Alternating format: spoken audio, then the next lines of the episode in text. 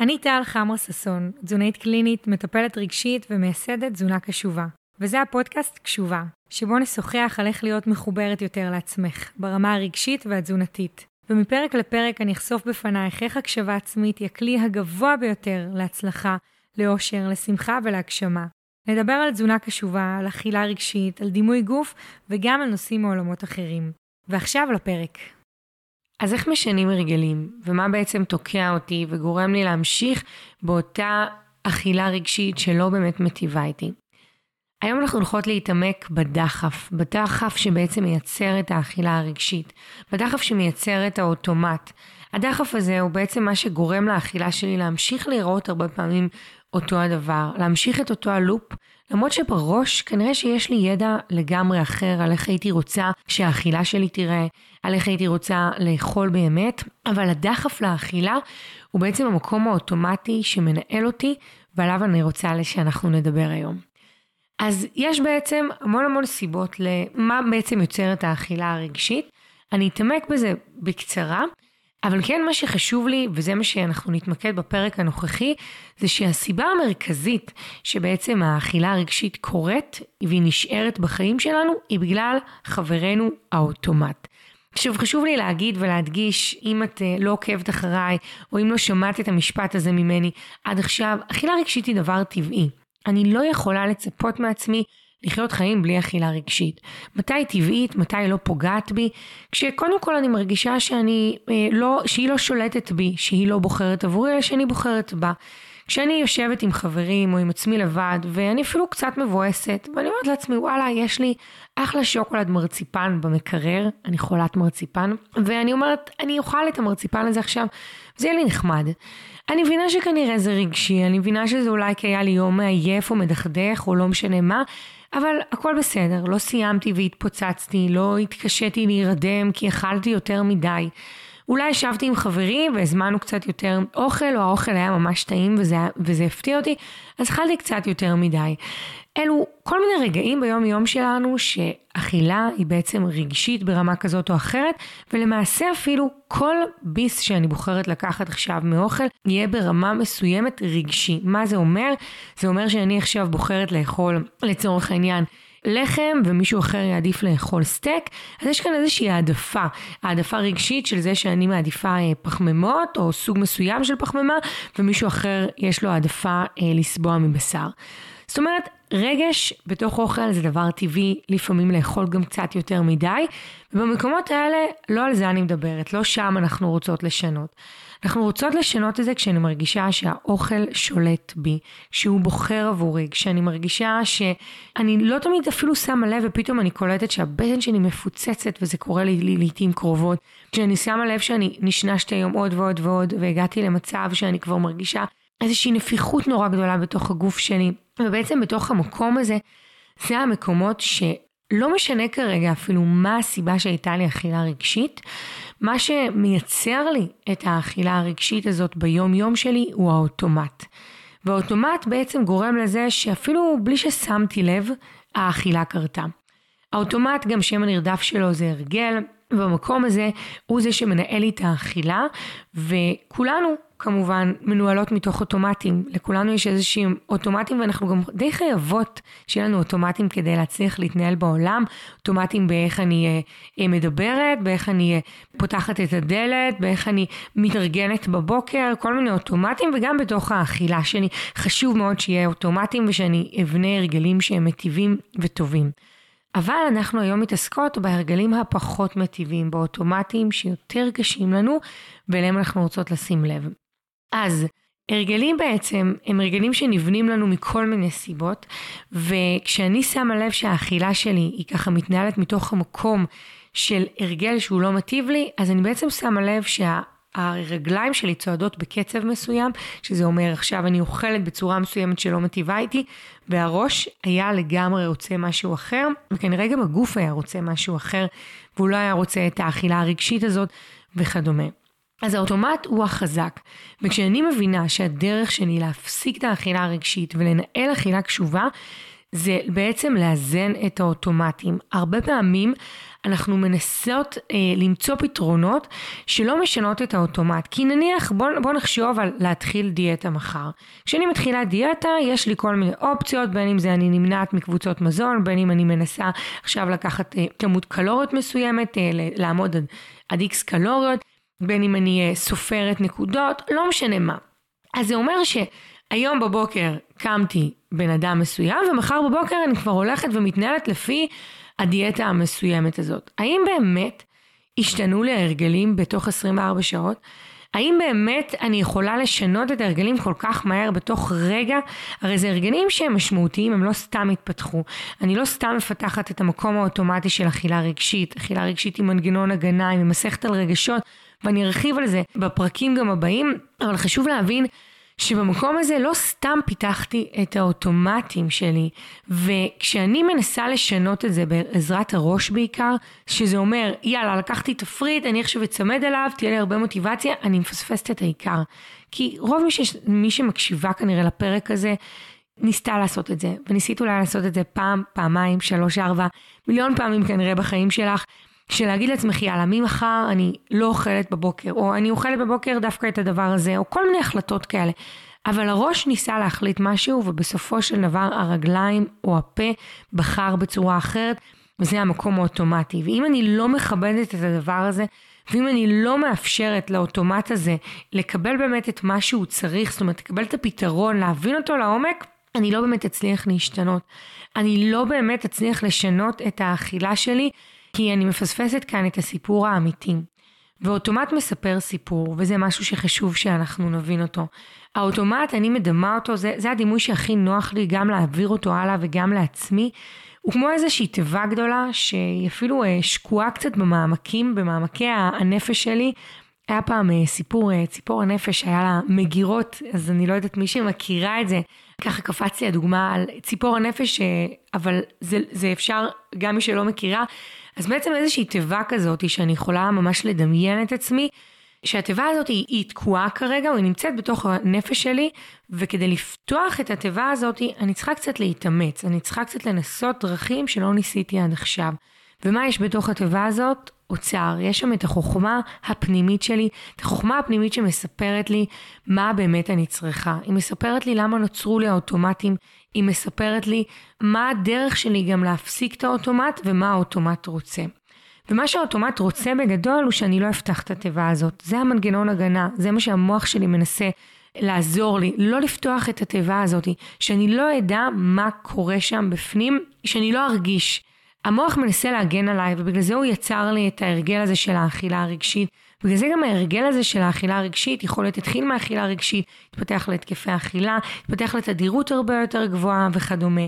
יש פה איזשהו ניסיון של הגנה, אבל ככל שאני אצליח לפתוח את התיבה הזאת, אני בעצם אצליח להבין מה קורה שם בפנים, מה המקום הרגשי שבאמת מנהל אותי, ואז אני אצליח להפסיק את האוטומט, ואז באמת תהיה לי את האפשרות לאכול בצורה קשובה. למה? כי קודם כל אני אופעל עם הרבה פחות אוטומטים. זאת אומרת, הדחף הזה לאכילה ולאכילה לא מאוזנת יפחת משמעותית עד כדי ייעלם. זה כמובן תלוי בשלבים שאני נמצאת בתהליך.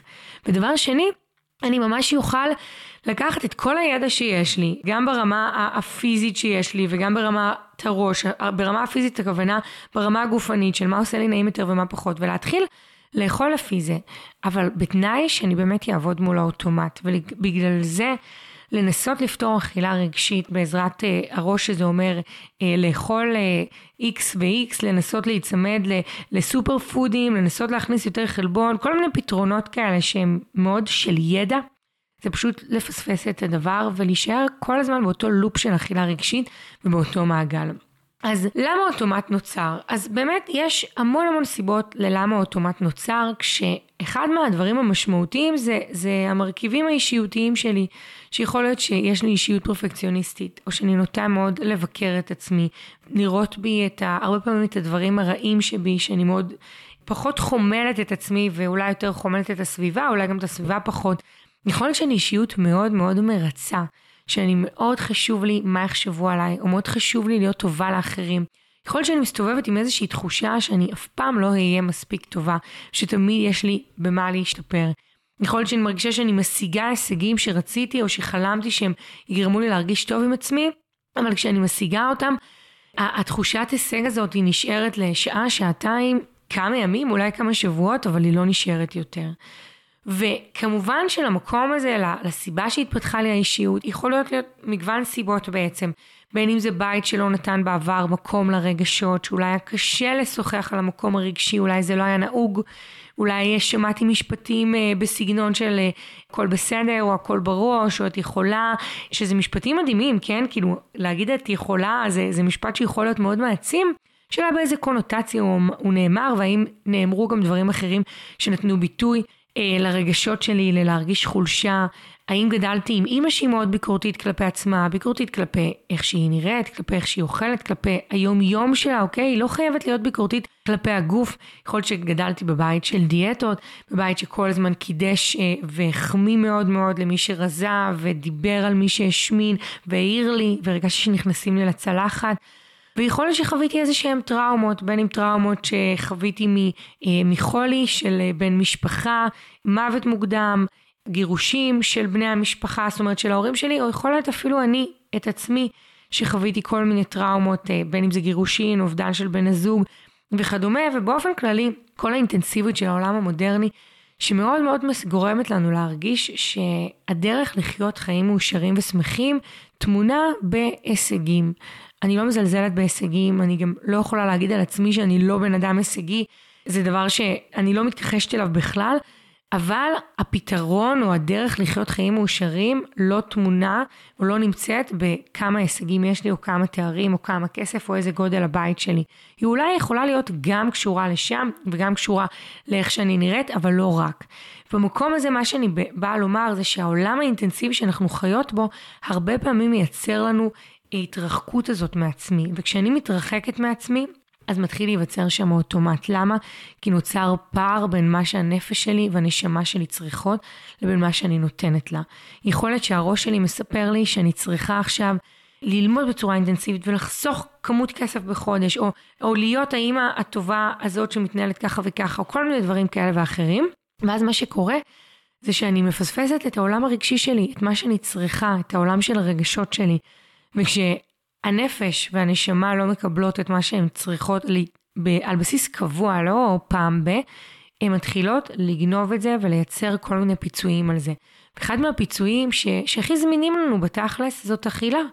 ובנוסף שאנחנו מוסיפים את זה לעולם שמקדש רזון ומקדש איך צריך לאכול ומלא במיתוסים על מה בריא לנו ומה לא בריא לנו וכל הסלט הזה שקורה. אז נפש שלא מקבלת את מה שהיא צריכה, מתחילה לחפש איך היא יכולה לגנוב את מה שהיא צריכה ולפצות על זה, ואני בכוונה משתמשת במילה לגנוב את מה שהיא צריכה, ואז מה שקורה זה שנוצר לנו בעצם המקום הזה של הפיצויים, בין אם זה אכילה רגשית, בין אם זה מערכות יחסים שלו מטיבות לי, מערכות זוגיות שלו מטיבות לי, סקס לא מטיב, מחלות אה, וכאבים כרוניים, צפייה בטלוויזיה, אבל בצורה כזאת ממושכת, זמן שאני נמצאת בו בטלפון וכדומה. אז בעצם האוטומט הזה הוא האוטומט שהוא נוצר, שקודם כל אני רוצה להבין שיש בי רצון גם להתפייס איתו רגע לפני שאני רוצה לכעוס עליו. אני לא רוצה, אני יכולה לכעוס עליו, אבל המטרה היא להבין שהוא כאן כדי לשרת אותי. הוא פשוט לא משרת אותי. הוא דרך אבולוציונית, הישרדותית של המוח שלי לנסות לשמור עליי, אבל בתכלס הוא לא שומר עליי. אבל הוא נוצר, ושוב, אוטומט שהוא חזק, אכילה רגשית שהיא עקשנית, לא כזאת שקורית פעם ב... היא אכילה רגשית, אכילה שנשנית, אכילת פומו, התקפי אכילה, בסדר, כל הדבר הזה קורה מתוך מקום של עולם רגשי שיש בו איזשהו קושי, שיש בו חוסר ביטוי, ולכן אני רוצה לתת לזה מענה. וכשהמוח שלי בעצם מזהה קושי, ויכול להיות אה, שפעם בעבר אה, הוא זיהה קושי שהייתי חוזרת לבד מבית ספר ואולי הוא היה מזהה איזושהי בדידות או חוסר הרגשתי לא מקובלת או כל מיני דברים כאלה ואז הוא שלח אותי נגיד ללכת לאכול ואז הייתה שם אכילה רגשית בקטנה כזאת. אבל ככל שהזמן עובר המוח בעצם לומד יותר ויותר לעשות את הכישורים האלה ולכן ביום יום שלי אם בעבר האכילה הרגשית הייתה אולי קורית, גם כשאני מדברת עם נשים בתהליכים, הן אומרות לי, היום אני מבינה שאולי בעבר הייתה לי אכילה רגשית, מבינה שכשהייתי בבית של ההורים שלי או הייתי חוזרת הביתה, אז הייתה שם איזשהו מקום שאולי אפילו התקפי אכילה בסופש פעם ב... אבל זה לא היה באותה אינטנסיביות. ומה שקורה זה שהמוח מייצר פה תהליך של למידה. הוא מבין שכל הטקסיות הזאת של האכילה זה איזשהו דרך לשכך כאב, להעלים כאב, להעלים את מה שאני מרגישה. ואז מה שקורה ביום יום שלי המוח שלי מזהה איזשהו קושי, קושי שכולנו חוות ביום יום שלנו, כי איך אפשר לא לחוות קשיים וכאבים ביום יום, זה חלק מהיותנו אנושיות. ומספיק שהוא מזהה קצת לחץ, לחץ אה, כי הבוס עצבן אותי, לחץ כי בן הזוג ביקש משהו, אה, בדידות, ביקורת עצמית, כל מיני דברים כאלה קטנים של אה, תחושה של חוסר אהבה, כל מיני דברים שקורים, אז מה שהמוח ישר יגרום לי ללכת לעשות, זה ללכת לאכול. אני אפילו לא אשים לב כנראה למקום הזה של עולם הרגשות. אני לא אשים לב שמה שהפעיל אותי כרגע זה היה הלחץ, הבדידות, המקום הרגשי, כי בעצם מה שיקרה זה שישר ברגע שהרגשתי, ישר ישר ישר, המוח שלי יגיד לי לכי תאכלי. זה כמו שאני אנסה עכשיו לפתוח את הדלת בבית שלי. אם אני אבוא לבית שלי ואנסה לפתוח את הדלת, אני לא, לא, לא אשים לב בכלל למה שהמוח שלי חושב, זה שתנסי לפתוח את הדלת בעזרת זה שתורידי את הידית, נכון? כי ברור שאני צריכה להוריד את הידית כדי לפתוח ולדחוף את הדלת. זאת אומרת, יש כאן אוטומט, והאוטומט הזה כמובן משרת אותי, כי תודה שאני לא צריכה כל פעם לפני שאני פותחת את הדלת לחשוב איך לעשות את זה. אבל גם כאן, במקום הזה נוצר אוטומט. זאת אומרת, כשאני מבינה שיש לי, והרבה פעמים זה, זה אחד מהמקומות שתוקעים, הרבה פעמים אני מאוד סקפטית לגבי הדבר הזה. אני אומרת לעצמי, אני לא מרגישה, וזה גם דברים שאני שומעת מנשים בתחילת התהליך, החיבור הזה לעולם הרגשי הוא נשמע לפעמים קצת כמו איזושהי קונספירציה כזאת לא הגיונית. כי נשים אומרות לי אני לא, לא הרגשתי היום איזה משהו מטורף. וזה בדיוק העניין א' כל יכול להיות שלא הרגשת כי את רגילה להרגיש פחות. את רגילה לא להרגיש, את רגילה להיות מנותקת מהעולם הרגשי שלך, לא בכוונה, כי הרגשות שלך תמונות בתוך התיבה הזאת שאמרנו, ואולי את כן מודעת לעצמך, וזה המקום שגם הרבה נשים אומרות לי, אני מודעת למה שאני מרגישה, אבל יש הבדל בין מודעת לבין להיות מחוברת. אני יכולה להיות מודעת, אני יכולה להגיד, היום יום שלי הוא לחוץ, אני יכולה. ואני יכולה גם למצוא את עצמי בוכה, או רגע ממש מרגישה את הקושי ואת הלחץ, ו- ואת הלב שלי רגע שדופק, כשאני ממש מזהה את הלחץ הזה, או את החוויית בדידות. אני יכולה להגיד שקולגה שלי אכזבה אותי, ואני יכולה ממש להרגיש את הקיבוץ הזה שהיא אכזבה אותי. ולכן מה שאני באה לומר, זה שהדרך הראשונה שלנו גם להבין את האוטומט, זה להתחיל לשים קצת סימני שאלה על כל מיני אמונות וסימני קריאה שאני חיה לפיהם. כי יכול להיות שהיום יום שלך, יכול להיות שלא עברת שום טראומות בחיים שלך, ויכול להיות ש, שביום יום שלך הוא ממש אחלה, ואת נמצאת במקום שאת רוצה להיות בו, אבל זה לא סותר את זה שיש לנו עולם רגשי. במהלך היום יום שלנו אנחנו נעות בכל מיני רגשות, וזה ממש ממש לגיטימי ובסדר, וגם רגשות משמחים יכולים להציף אותנו.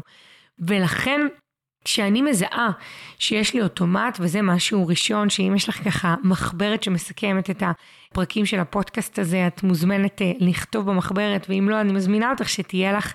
אז בדבר הראשון שאני יכולה לעשות, זה כשיש לי, כשאני פוגשת את האוטומטים הרגילים שלי, זה להתחיל לשאול את עצמי מה אני מרגישה.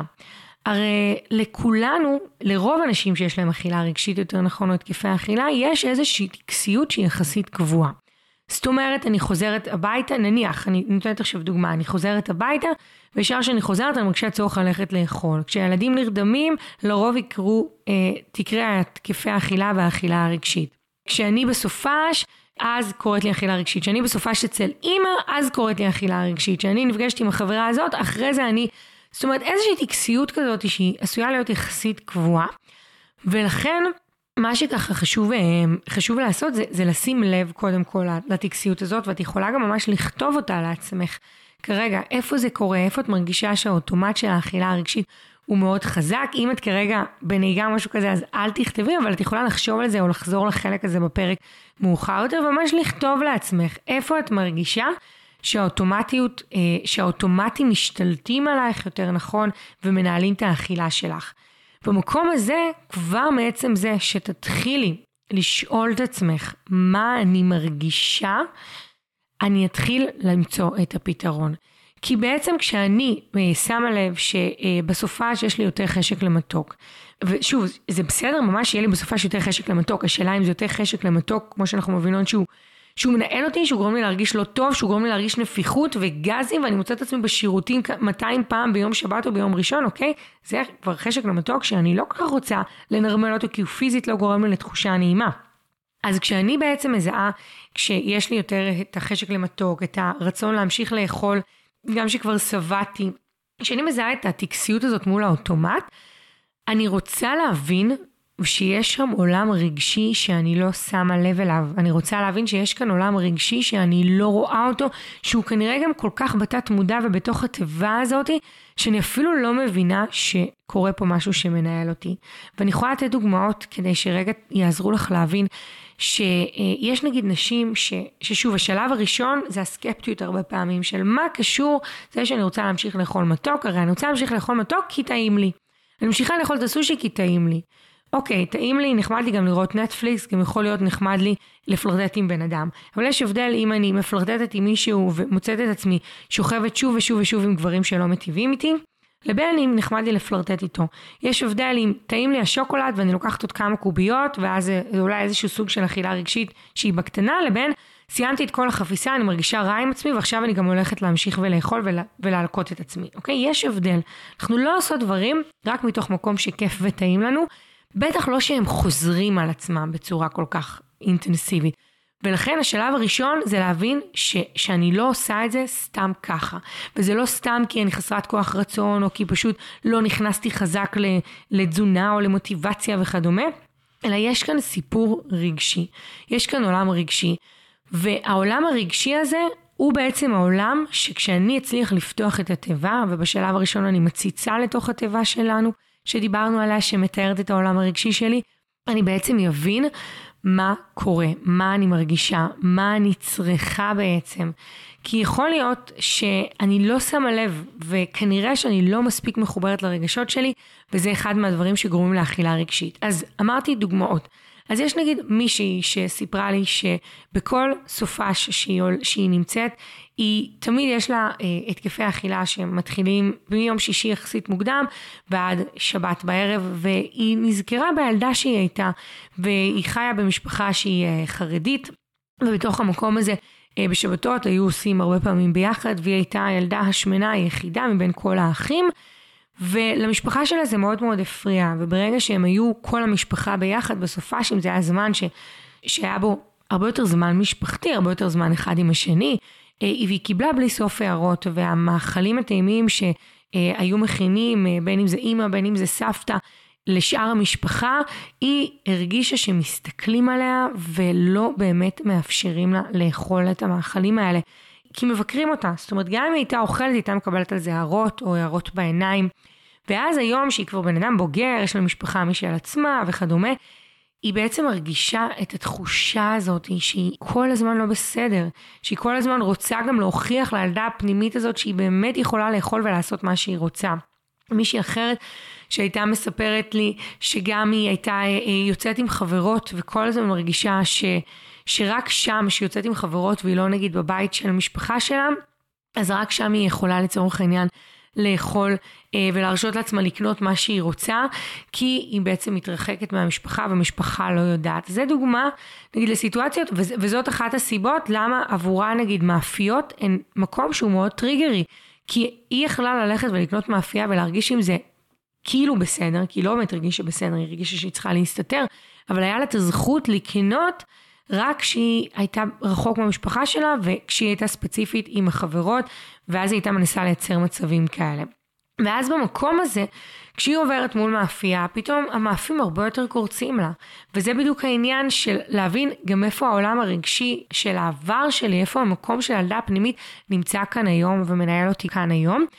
וזה לא חייב להיות רק המקומות האלה, כן? זה לא חייב להיות רק קשור לעבר, אלא זה הרבה, זה הרבה פעמים מחובר עבר והווה, וזה הרבה פעמים גם נמצא בדברים שכרגע אני עוברת. אני מרגישה דחויה, אני מרגישה דחויה כי יש חבורת אימהות שנפגשות אחר צהריים ביחד והם לא הזמינו אותי, ואז במקום הזה החוויה של להיות דחויה או חוויה שאני לבד גורמת לי להרגיש שאני ממש ממש לא בסדר, ובמקום הזה אני רוצה לייצר לעצמי איזושהי שליטה, ואז אני הולכת לאכול. ואני יכולה לתת, באמת, אני יכולה לפתוח פרק שלם רק על דוגמאות כאלה, אבל מה שאני רוצה להזמין אותך, זה להתחיל לשאול את עצמי אה, מה אני מרגישה כשאני שמה לב שבעצם המוח שלי שולח אותי שוב ושוב ושוב ללכת לאכול. עכשיו כמובן שאני לא מדברת על ללכת לאכול ארוחת צהריים, אלא אני מדברת על ללכת לאכול כשאני לא באמת, כשאני מבינה שאני לא באמת צריכה את זה ברמה הפיזיולוגית. כי למוח יש כל מיני טכניקות להגן עליי, וכשאני מבינה שהמוח בעצם מנסה להגן עליי, אני מבינה שזאת המטרה שלו, זה מה שהוא מנסה לעשות כאן, אז אני יכולה להתחיל להבין ולהציץ לעולם הרגשי שלי, וככה ככל שאני אתחיל לתרגל יותר ויותר, אני אתחיל לתרגל חיבור. כי אוטומט בעצם מספר על ניתוק, וחיבור הוא בעצם מה שפותר לי את האוטומט, וככה אני משנה את זה. אז בעזרת עבודה שהיא מאוד ספציפית על המקום הזה של מה שאני מרגישה ועל החיבור, אני מצליחה לשנות את האכילה הרגשית, וזה הדבר הראשון, אז לשאול את עצמי מה אני מרגישה בסיטואציות האלה שאני מזהה, שאני נאבקת באכילה, או שאני מרגישה שהאכילה משתלטת עליי, תשאלי את עצמך מה את מרגישה. אפילו לפני שאת מנסה להיאבק באיך לאכול את העוגה וכדומה, אפילו אל תיאבקי בה. תנסי להקשיב למה הצורך הזה לאכול את העוגה מספר. תראי כמה זה שונה.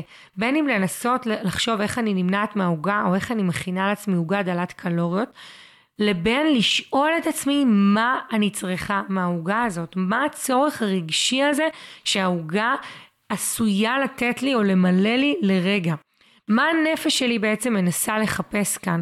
כשאני אתחיל לשאול את השאלות האלה, כשאני מזהה שיש לי צורך לאכול שהוא לא מתוך מקום מטיב, שיש לי צורך להמשיך את האכילה, למרות שכבר שבעתי אותה, במקום להגיד לעצמי לא, במקום לנסות לחשוב על כל מיני תחליפים שיעזרו, אני רוצה רגע לשאול את עצמי מה אני מרגישה, מה העוגה הזאת צריכה. בעצם מה אני צריכה מהעוגה הזאת יותר נכון.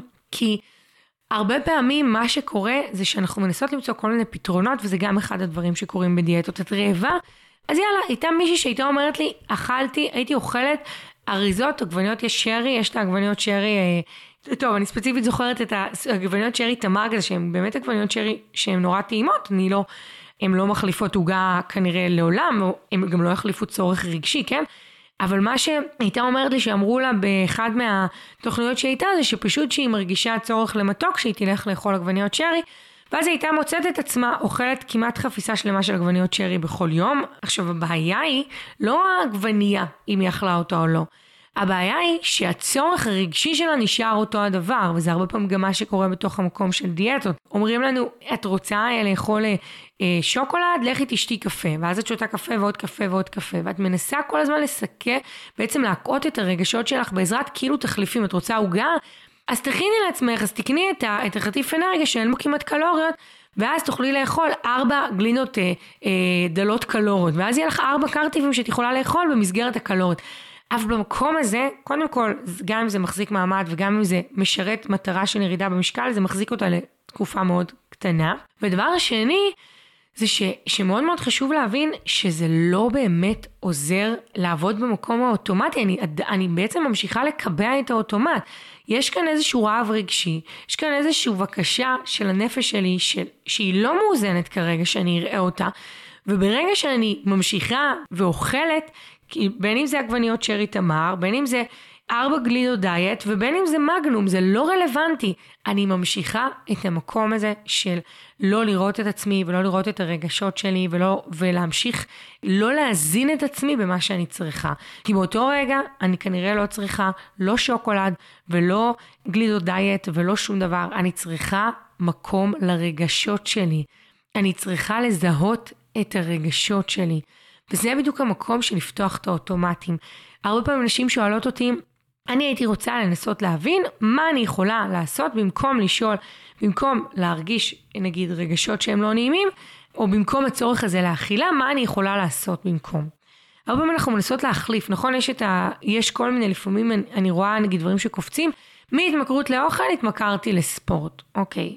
אז קודם כל אנחנו לא מתמכרות לאוכל, ואם עדיין לא הקשבת לפרק שלי שמדבר על זה בפרק אה, מספר 1, אז את מוזמנת לגשת. אבל מה שאני באה לומר זה שאם אני לא נותנת לנפש את מה שהיא צריכה, וזה חוזר לתחילת הפרק, בעצם מה שקורה זה שהנפש שלי גונבת את מה שהיא רוצה.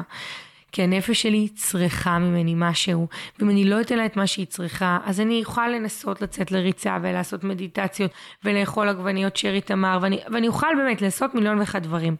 אבל בשורה התחתונה, אני לא נותנת לה את מה שהיא צריכה. ואז היא תמשיך למצוא כל מיני דרכים לפצות את עצמה. זה יכול להיות מול אכילה, זה יכול להיות מול אה, התנהגויות אחרות שיקרו, ו, וזה הרבה פעמים גם מה שיכול להיות, שאני בעצם מפצה, אני מפסיקה אולי התנהגות מסוימת, ואז נולדת התנהגות אחרת שהיא לא מטיבה איתי. ולכן, הדבר שבעצם אני שולחת אותך למקום הזה, וזה במקום של הפרקטיקה, אני כבר הבאתי אותו, אבל אני כן אסכם לך את זה לכאן. אה, להבין קודם כל שכשאת מזהה, ואם את מקשיבה לי כאן כרגע, אז יש לך אכילה רגשית שאת מרגישה שהיא כנראה לא מטיבה איתך, אז אני רוצה שתנסי להבין שהמוח שלך מנסה לספר סיפור אחר, שיש כאן תיבה שהיא תיבת רגשות והיא תיבת סיפורים שהמוח שלך מנסה לפצות בעזרת מקומות אחרים, וכנראה שאצלך זה בעזרת אכילה ואולי בעזרת מקומות נוספים. וכשהחשק למתוק מתגבר בערב, וכשהחשק למתוק והצורך אה, או המשך רצון לאכול מתגבר בבוקר או בסופש וכדומה, יש כאן סיפור. ובמקום לנסות להיאבק באוכל, אני רוצה שתנסי לשאול את עצמך, ואת יכולה באמת לכתוב את השאלות האלה, מה אני מרגישה שאני צריכה עכשיו? מה הצורך הזה, מה, אה, העוגה בעצם תספק לי? איזה צורך רגשי עולה לי כאן שאני לא מזהה? מה מסתתר כאן? את יכולה לבחור את אחת מהשאלות, את יכולה לבחור את כולן, את יכולה לכתוב אותה לעצמך. כי ההבנה הזאת היא שכשיש לי אוטומט ואוטומט שלא מטיב והוא חוזר על עצמו, יש כאן סיפור. זה לא קורה סתם כי זה טעים לי. ויכול להיות ששוב לא חווית דברים סוערים בחייך ואולי חווית חיים סוערים ואולי החיים שלך היום סבבה לגמרי ואולי את לא מרגישה שבעצם כשאת רוצה מתוק את עצובה ויכול להיות שיש פעמים שאת כן מרגישה אפרופו, אוקיי? זה לא חייב להיות כזה דיכוטומי שלא מרגישה או כן מרגישה, אבל האוטומט בעצם בא ומנתק אותי מעצמי. אז גם אם ברמה המודעת אני מזהה שאני בלחץ, אני לא תמיד מצליחה להרגיש את זה באמת. וכשאני אעשה את העצירה הזאתי, ובמקום ללכת לאכול, אני רגע אעצור ואבדוק מה זה הלחץ הזה, מה הוא מספר לי, אני יכולה לנסות לכתוב אותו, אני יכולה לנסות לשאול את עצמי, אני יכולה לנסות להיות בו כמה דקות, לא בטוח שבהתחלה ישר צורך ללכת לאכול את השוקולד ייעלם, אוקיי? אבל מה שכן יקרה זה שהצורך האמיתי שלי יתחיל לקבל מענה. וזה בדיוק העניין, אני רוצה להתחיל לתת מענה לעולם הרגשי שלי, אני רוצה להתחיל לפתוח את התיבה הזאת. כדי לפתוח את התיבה הזאת אני צריכה להתאמץ קצת, אני צריכה להבין איך פותחים את המנעול, אני צריכה ללמוד מחדש את הדרכים אה, שהיא תיפתח. אבל אני ככה לומדת את עצמי, ככה אני בעצם נפגשת עם עצמי, ככה אני מגלה את החוכמה הפנימית שנמצאת בתוכי לעצמי. חוכמה הפנימית שמספרת לי מה אני צריכה כרגע. אז עצם העצירה הזאת שעצרתי ושאלתי, בין אם לפני האכילה, בין אם אחרי האכילה הרגשית, אוקיי? עצרתי אבל ושאלתי, אז התייחסתי, נתתי מקום. לא נתתי לרעב הרגשי הזה, פשוט להיות, פשוט לא, לא, לא הזנחתי אותו, לא הזנחתי את הנפש שלי, וזה בדיוק מה שאני צריכה לעשות. להתחיל לשאול את עצמי מה אני מרגישה, במקום לנסות למצוא בין אם זה תחליפים דיאטטיים ובין אם זה תחליפים של התעסקות בלצאת מהמטבח וכדומה. אני יכולה גם להתעסק בלצאת מהמטבח, זה בסדר אם זה, זה עוזר לי גם, אבל אני רוצה לתת את המענה האמיתי שזה המענה הרגשי הזה. ולכן השאלות האלה והשאלות לחיבור הרגשי שלי, לנסות לזהות מה אני מרגישה, הן כל כך חשובות, והן גם מספרות לי שאני לא מתעלמת מהצרכים שלי הרגשיים. אז אני מסכמת ככה את הפרק שלנו, בקודם כל להגיד לך שאני סופר אשמח לשמוע מה את לוקחת מהפרק, ואם אם יוצא לך לתרגל, אז יכולה לספר לי ככה מה לקחת. אני הכי שמחה בעולם לשמוע את הפידבקים שלכן. אה, ובאמת ממלאים אותי באור. אני רוצה להגיד לך שגם התוכנית שלי להתחבר לעצמך, שנמצאת ממש מתחת לפרק הזה, היא תוכנית שמדברת בדיוק על זה. היא תוכנית שבניתי אותה אחרי שזיקקתי שנים על גבי שנים, על איך אני יכולה לשחרר את האוטומטים שלי, איך אני יכולה לעבוד ברמה הפרקטית בטירוף, בזמן שהאוטומט קורה, לפני שהוא קורה, גם אחרי שהוא קורה, ממש בכל מיני זמנים, כי העבודה של, שבתוך להתחבר לעצמי בתוך התוכנית, היא עבודה שהיא לא רק בזמן שהאכילה הרגשית קורית, אלא גם לפני ואחרי. יש שם מיליון תרגילים שיעזרו לך, מיליון הדרכות קצרות שאת יכולה להקשיב ממש כל יום ולתרגל אותם בצורה מאוד מאוד ספציפית, וגם שיעורים שירחיבו יותר על המקום האוטומטי ויכינו אותך לעבודה הרגשית הזאת, כי חשוב להבין שבשביל לפתוח את התיבה הזאת, אני הרבה פעמים צריכה גם לעשות איזושהי הכנה מראש לפתיחת התיבה, ואני גם לא תמיד פותחת אותה ברגע.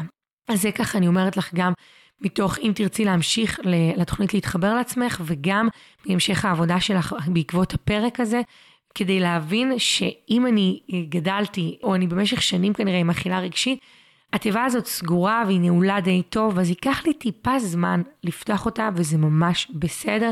אני רוצה לחבק את זה ולחמול את עצמי. אז תודה רבה שהיית כאן והקשבת, ואת מוזמנת, כמו שאמרתי, לשתף אותי ולשתף גם את הפרק הזה עם מישהי שאת מרגישה שהיא יכולה אה, ככה לקחת ממנו דברים נוספים. ותודה רבה לקובי מלמד שעורך לי את הפרקים, ואנחנו נשתמע בפרק הבא.